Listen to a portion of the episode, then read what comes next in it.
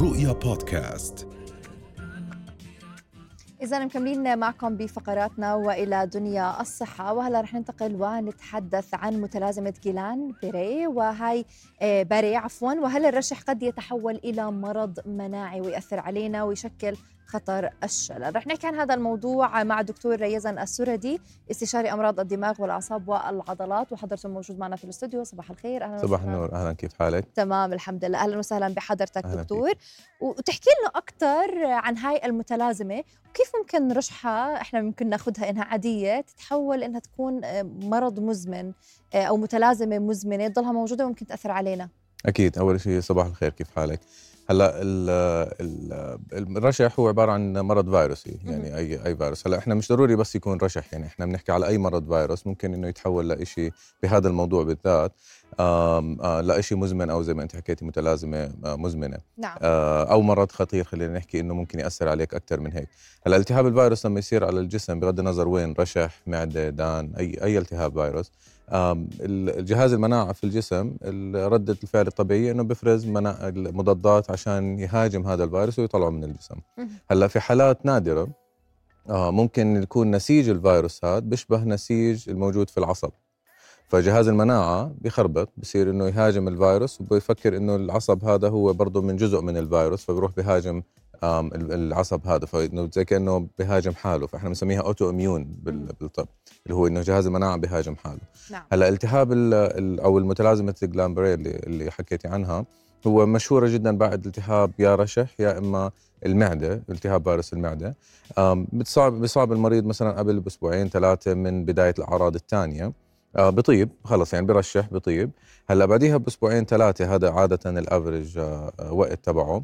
بصير عنده أعراض ثانية اللي هي عصبية. ببلش عنده خدران ببلش عنده زغللة بالعينين ببلش عنده أعراض عصبية ثانية هذه بتكون إنه جهاز المناعة عم بهاجم بحاله فالمريض لازم على طول إنه يدير باله من هاي الشغلات. نعم. هلأ كثير التوعية مهمة بهذا الموضوع عشان كثير ناس ما بيعرفوا إنه آه والله هذا شيء له علاقة بالرشحة تاعت أسبوعين أو ثلاثة. نعم. يعني دكتور هلا من الأعراض اللي عم تحكيها وبانه جهاز المناعة إذا بدنا نحكي هو عم بهاجم آه، الأعصاب ويمكن هو آه، غشاء المايلين تحديدا. يعني الأعراض هي عم بتكون مشابهة لل MS صحيح. تصلب اللويحي. فكيف إحنا بنقدر نفرق كيف بنقدر نميز بين هذا المرض؟ وخاصة إنه كل يعني هم الاثنين أمراض مناعية. أكيد. هلا أول شيء ال MS آه، هو مرض يعني بيأثر على الغلاف تاع العصب بس الموجود في الجهاز العصبي الرئيسي. هلا دائما بحكي للمريض أو إذا بدنا نحكي للطلاب إنه الجهاز العصبي مقسوم قسمين. في قسم اللي اسمه الجهاز العصبي الرئيسي هو الدماغ والنخاع الشوكي. وفي قسم اسمه الجهاز العصبي الطرفي هي الأعصاب الموجودة بالإيدين والإجرين. هلا كطبيب أو كدكتور أعصاب أنت سهل عليك إنك تعرف على الفحص السريري إنه هذا المرض عم بيأثر على العصب الرئيسي ولا العصب الطرفي. عشان في اشارات معينة بالفحص السريري بتخليك تعرف. فأنت هذا أول يعني أول أول شيء سهل عليك إنه كالفحص السريري وهذا بيدلك قديش الفحص السريري مهم. إني قادر أعرف إنه هذا أنا شاكك والله بشيء بالدماغ والنخاع الشوكي فأقول MS ولا هو شيء بالأعصاب الطرفية فأقول إنه ممكن يكون جلامبري هذا أول أول طريقة. الطريقة الثانية إحنا صرنا ب يعني زمن متقدم كثير بالطب فالفحوصات. يعني أنت بتقدر أول شيء بتقدر تعمله زي ما أنت حكيتي إذا اجى واحد بخدران بدك تستثني الأشياء المهمة بعدين الأقل أهمية أو الأشياء الشائعة بعدين الأقل شيوعا. آه فبدك تعمل مثلا رنين بدك تعمل فحوصات بدك تعمل تخطيط فبتقدر تعرف أنت هذا الشيء نعم. طيب خلينا نحكي أيضا عن يعني هلا الشخص كان مصاب بفيروس بالمعدة حكينا أو إنه كانت زي رشحة. آه بمجرد شفائه ما بيروح هذا المرض. يعني إذا عالجنا الجهاز المناعة بضله عم بتعرف على غشاء يعني على الأعصاب. العصب. خلينا نحكي والخلايا العصبية على أساس إنها هي الفيروس. صحيح بس لا مش مش مش إنه بضله مزمن. هذا الحلو إنه لازم تروح بكير على الطبيب وتستشيره عشان إذا بمدة زمنية قصيرة خلال أيام إذا لحقت هذا جهاز المناعة وبطل إنه خلال أيام من ظهور أعراض زي من ظهور الأعراض زي مثلا الخدران زي الصداع زي الزغللة العينين زي ضعف في جزء أو في الإجرين. هذا الإشي بخ... يعني إذا رحت عند الطبيب وشخصك آه، بكير في أدوية معينة بتقدر أو أو إجراءات خلينا نحكي معينة بتقدر تسنع... تعملها. بتشغل بتخلي شغلتين تصير، الشغلة الأولى إنه المرض ما بتطور. إنه يعمل أعراض أكثر عشان هذا المرض ممكن يوصل للعضلات تاعت التنفس. ويعمل مشكلة في النفس. يعني في كتير ناس ممكن ينحط يعني يصير عندهم فشل آه، في الرئتين من هذا الموضوع. فأول إشي أنت العلاج البكير بمنعك إنك توصل لهي الحالات المتقدمة.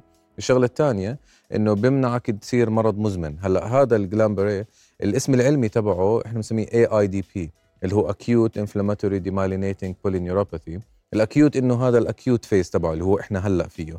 في المرض المزمن تبعه اسمه CIDP C يعني chronic اللي هو مرض مزمن. فأنت العلاج المبكر بمنعك تروح من اي اي دي بي لسي اي دي بي فمهم جدا إنك تعالج هذا الموضوع وت- وتشخصه نعم. بكير. هل في أشخاص بنقدر نحكي؟ يعني كلياتنا بصير في عندنا التهاب بالمعدة أو بصير في عندنا. فيروس على بصير عندنا رشحة ونزلات برد. فمين الأشخاص اللي هم أكثر عرضة للإصابة بهذه المتلازمة؟ ولا هيك خلص؟ ما قدروا ما قدروا يعرفوا. لا فجأة ممكن تصير. هلأ الشيء انترستنج كثير صار عندنا خلال السنين الماضية إنه هذا المرض كثير انتشر بعد الكوفيد. لقوا إنه فيروس ال- الكورونا آه له تأثير على جهاز المناعة مختلف عن الفيروسات الثانية بحيث إنه عم بهيج جهاز المناعة كثير تاع الجسم فعم بيصير عندنا أمراض مناعية كثير بعد الكوفيد. يعني أنت أنا هلأ حكيت إنه مثلا مرض آه، مناعي نادر اللي هو إنه يصير بعد رشحة بعد التهاب فيروس يعني هو الانسيدنس تبعته آه، وا- بيقولوا واحد من كل 200 أو 300 ألف يعني كتير قليل بعد الكوفيد صار الدكتور اللي كان يشوف مرة مرتين بالسنة صار يشوفها مرة مرتين بالشهر. بعد ال- التهاب نعم. فلا ما في شيء بخليك تعرف مين بده نعم يكون سبب. ولكن إذا في حال الشخص أصيب بفيروس برئتينه أو بمعدته وبعدين صار في عنده هذه المتلازمة وتم علاجه وأخذ اللازم وطاب مهم. إذا تعرض لرشحة ثانية هل هو كمان معرض إنه ينصاب؟ عرضة أكثر صحيح عشان إنه هذا بيكون خلص معروف إنه عنده جهاز المناعة شوي خلينا نحكي كثير ناس بيسموها أقوى من غيره عشان إنه عم بهاجم أو بتخربط غير عن عن هذا إذا بنحكي عن تاريخ العائلة مم. بالأمراض المناعية فهل هو بيكون أكثر عرضة, عرضة أكيد. ينصاب؟ أكيد عشان إنه هذا بيكون في له مربوط بجينات أو بعوامل وراثية موجودة بهاي العيلة مهم. الأمراض المناعية بشكل عام موجودة كتير بال- بالعائلات أو موجودة كتير بالجينات فبيكون أكثر عرضة من غيره إذا كان عنده آه، حدا من العيلة صار عنده هذا الشيء نعم. صحيح.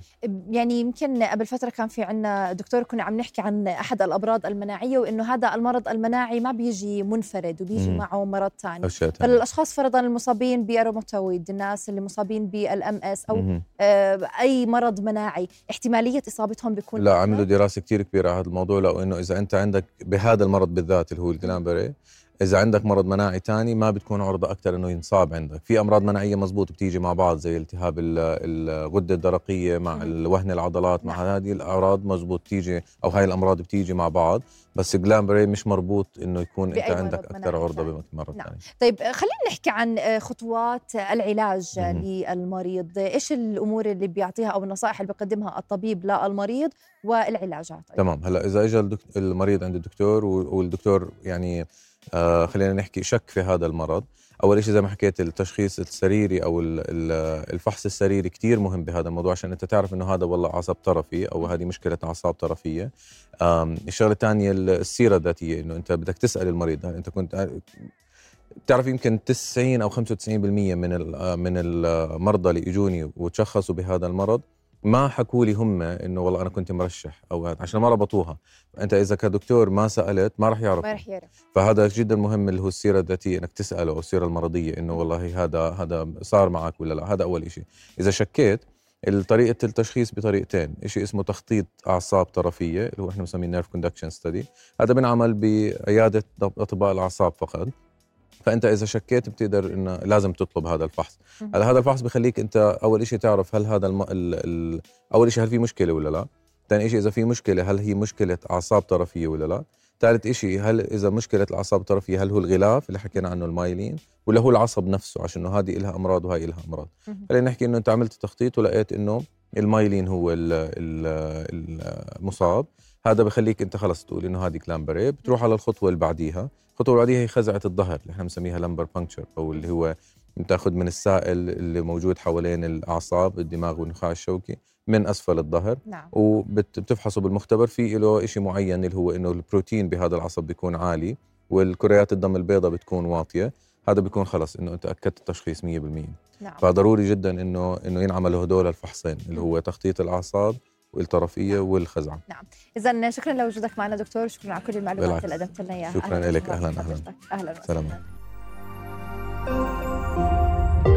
رؤيا بودكاست.